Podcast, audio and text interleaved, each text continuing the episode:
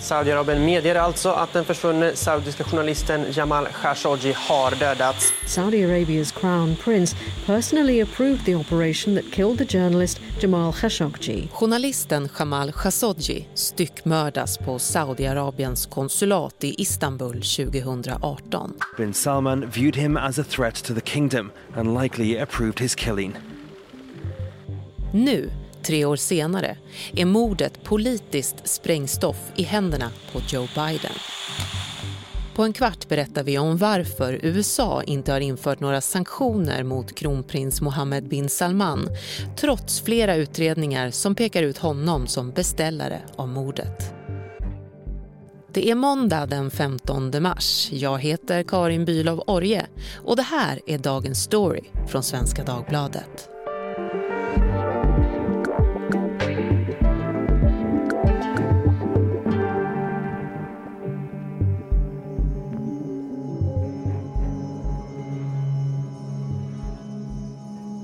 Jamal Khashoggi förs upp till andra våningen, till konsulns kontor.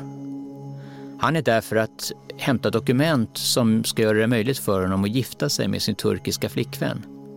Hon väntar utanför på gatan. Men väl på konsulns kontor så får han istället besked att han är tvungen att resa tillbaka till Saudiarabien. Det vägrar han. Då övermannas han av 15 saudier som flugits dit samma morgon. På ljudinspelningar från turkiska underrättelsetjänsten hörs först tumult och sen Khashoggis sista ord. Jag kan inte andas, ni kväver mig. Därefter hörs ljudet av en bensåg. Jesper Sundén är Mellanösternanalytiker här på Svenskan. Jesper, berätta, vem var Khashoggi och varför mördades han? Ja, eh, Jamal Khashoggi var journalist, men inte vilken journalist som helst. Han hade djupa kontakter inom det saudiska kungahuset och var även rådgivare åt den saudiska regeringen. Och det började med att han som ung journalist bevakade de saudiska mujahedin-krigarna som åkte till Afghanistan för att kriga mot Sovjet som hade invaderat landet. Och hans många kontakter och kunskap om de här unga och arga islamisterna från Saudiarabien och även kretsen kring Osama bin Laden gav honom en särställning. Och eh, till en början när Mohammed bin Salman eh, kom till makten, för, för det är kronprinsen som i praktiken styr i Saudiarabien, då var Jamal Khashoggi väldigt positiv. Och han såg eh, fram emot de här reformerna som, som Mohammed bin Salman talade om. Men eh, så småningom blev han kritisk. Och det började med att han 2016 fick skrivförbud efter att han hade kritiserat Donald Trump som ju var en väldigt viktig allierad till Mohammed bin Salman och, och kungahuset. Och det gjorde att han gick i exil till USA och började skriva kolumner i Washington Post där han kritiserade kronprinsen väldigt hårt. Men eftersom han hade den här särställningen och hade arbetat med kungahuset så gjorde det att kritiken från honom den hade en särskild tyngd och upplevdes så mycket allvarligare än kritik som någon annan journalist, vem som helst, hade kunnat framföra. Och det här upplevdes nog som väldigt hotande från, från kronprinsens sida. Saudiarabien säger ju att Khashoggi dog av misstag under ett slagsmål. Men den förklaringen har mötts av misstro runt om i världen. Saudi är ju kända för att slå ner extremt hårt mot journalister. Så vad särskiljer det här mordet på Khashoggi? Saudiarabien är ingen demokrati. Det finns ingen fri press och ingen yttrandefrihet. Och det finns en lång historia av att journalister har fängslats och, och inte bara journalister utan oppositionella prinsar och, och, andra. Det nya är ju att Mohammed bin Salman, kronprinsen, har presenterat sig som en reformator som vill liberalisera och modernisera kungadömet. Och under sin turné i USA så omfamnades han av Vita huset, av Silicon Valley och den finansiella eliten i USA. The Crown Prince of Saudi Arabia, a friend of mine, a man who has really done things in the last five years in terms of opening up Saudi Arabia. Sen han i praktiken fick makten i landet så, så har det ju varit väldigt många reformer Kvinnor får köra bil, de kan arbeta i yrken som de tidigare inte kunde göra.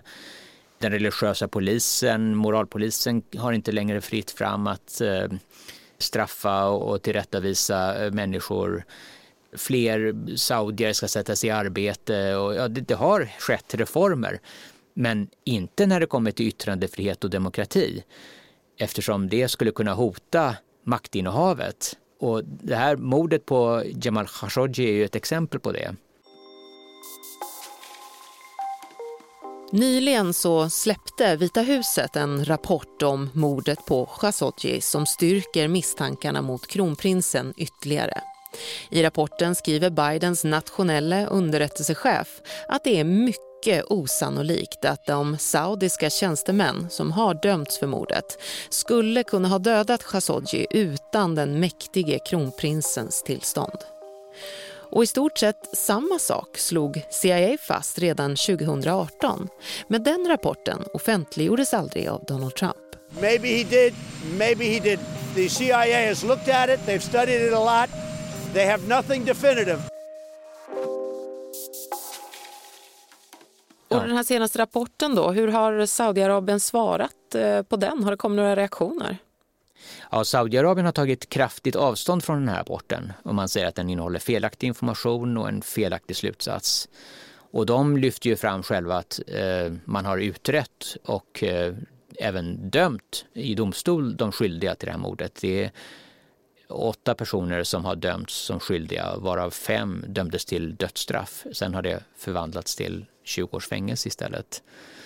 Och de påminde också i sitt svar om det här om att man, man har haft en strategisk allians med USA under åtta decennier och att man ser fram emot fortsatt samarbete men att just den här rapporten var eh, felaktig och oacceptabel.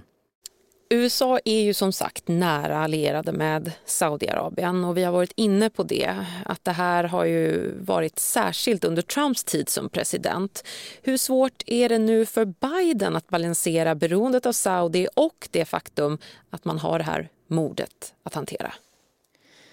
Ja, under valkampanjen så har ju Joe Biden uttalat sig väldigt starkt kritiskt mot både Saudiarabien och kronprinsen. Och han kritiserade Donald Trump för att inte straffa kronprinsen efter mordet. Och han har sagt att Saudiarabien ska behandlas som den paria det är. The CIA has concluded that the leader of Saudi Arabia directed the murder of US-based journalist Jamal Khashoggi. President Trump has not punished senior Saudi leaders. Would you? Yes. They have to be held accountable. Därför så var det många i USA som blev besvikna nu på, på Biden att straffet mot kronprinsen verkar inte vara så mycket mer än offentliggörandet av den här rapporten och sanktioner mot, mot ett antal personer i hans krets, men inte just mot honom. Men det är ju också så att Vita huset och Biden vill behålla Saudiarabien som sin allierade i Mellanöstern. Det är ju en av, av de absolut viktigaste allierade som USA har haft sedan 1945. Utöver att ha släppt underrättelserapporten om mordet på Khashoggi har Joe Biden flera gånger markerat mot kronprinsen. Det var Saudiarabiens kung och inte Mohammed bin Salman som Biden ringde till när han tillträtt som president. Han väntade också i över en månad innan han ringde. Det skiljer sig från Trump som hade en nära relation med kronprinsen som i praktiken styr landet. Ja, kanske hade Mohammed bin Salman inte varit kronprins om det inte hade varit för Trump. Han tog eh, tidigt kontakt med, med Vita huset och Trump-administrationen och fick eh, väldigt snabbt eh, ett väldigt gott förhållande till Trumps svärson Jared Kushner. Och det var Mohammed bin Salman och Kushner som såg till att Trumps första utrikesresa gick till Saudiarabien och det var Mohammed bin Salman som planerade den in i detalj för att ge Trump ett storslaget eh, välkomnande och att han skulle känna sig mäktig och, och uppskattad. Och det ledde till en väldigt tydlig signal om att Mohammed bin Salman hade USAs stöd och Bara två veckor efter det här besöket, Trumps besök, så ändrades successionsordningen så att Mohammed bin Salman blev kronprins istället för sin kusin som puttades åt sidan. Och vad vann Trump på att sätta honom på den här positionen, att lyfta honom på det här sättet? Uh, we've become very good friends over a fairly short period of time. Uh, and we are bringing back hundreds of billions of dollars into the United States. Det som framförallt gladde Trump var ju att man köpte vapen för miljarders miljarder. Redan under det första besöket då i Saudiarabien så kom ju Trump hem med vapenkontrakt på hur mycket pengar som helst och, och skröt om det. In terms of dollars, 3 billion dollars, 533 million dollars. Och även när, när Mohammed bin Salman sen var på USA-turné så, så tog ju Trump emot honom i Vita huset och, och satt med skyltar inför tv-kamerorna där han visade alla vapen och alla pengar som, som Saudiarabien hade betalt eh, för de här vapnen. Uh, 889 million, 63 million and that's uh, for various artillery. That's peanuts for you. Should have increased it. Så det var han ju väldigt nöjd med. Och hur viktig roll spelar Saudi och kungafamiljen säkerhetspolitiskt i, i Mellanöstern? Saudiarabien är ju ett av världens rikaste länder och det absolut mest inflytelserika i arabvärlden. Det är också hem för islams viktigaste platser, Mekka och Medina. Och Saudiarabien utövar inflytande över hur många olika länder agerar, till exempel när det gäller normaliseringen med Israel. Förenade Arabemiraten och Bahrain hade aldrig kunnat ta det steget att närma sig Israel utan ett saudiskt godkännande. Och det här är ju en följd av, också av, av de nära kontakterna mellan Mohammed bin Salman och Vita huset och, och Trumps svärson Jared Kushner. Eh, Trump och Eh, bin Salman hade ju också samma Iran-agenda. Ja, krossa Iran kan man väl sammanfatta det som. Hur ser Biden på Iran? Ja, Biden vill precis som Trump förhindra att Iran skaffar kärnvapen. Men eh, sen har de olika syn på vilket det bästa sättet är att nå det. Och, Biden har ju samma syn som Obama för honom att det bästa är att komma överens med Iran om ett avtal som begränsar möjligheterna för Iran att skaffa kärnvapen. Medan Trump å sin sida tyckte att det var helt fel och det var mycket bättre att avskaffa Iranavtalet och istället införa de hårdaste sanktioner som något land någonsin har utsatts för. Och det gjorde han ju 2018 men de sanktionerna har inte stoppat Iran från att närma sig kärnvapen och ja, Iran är idag mycket närmare kärnvapen än vad det har varit på många, många år och mycket närmare än vad det var under den tiden som kärnenergiavtalet fanns.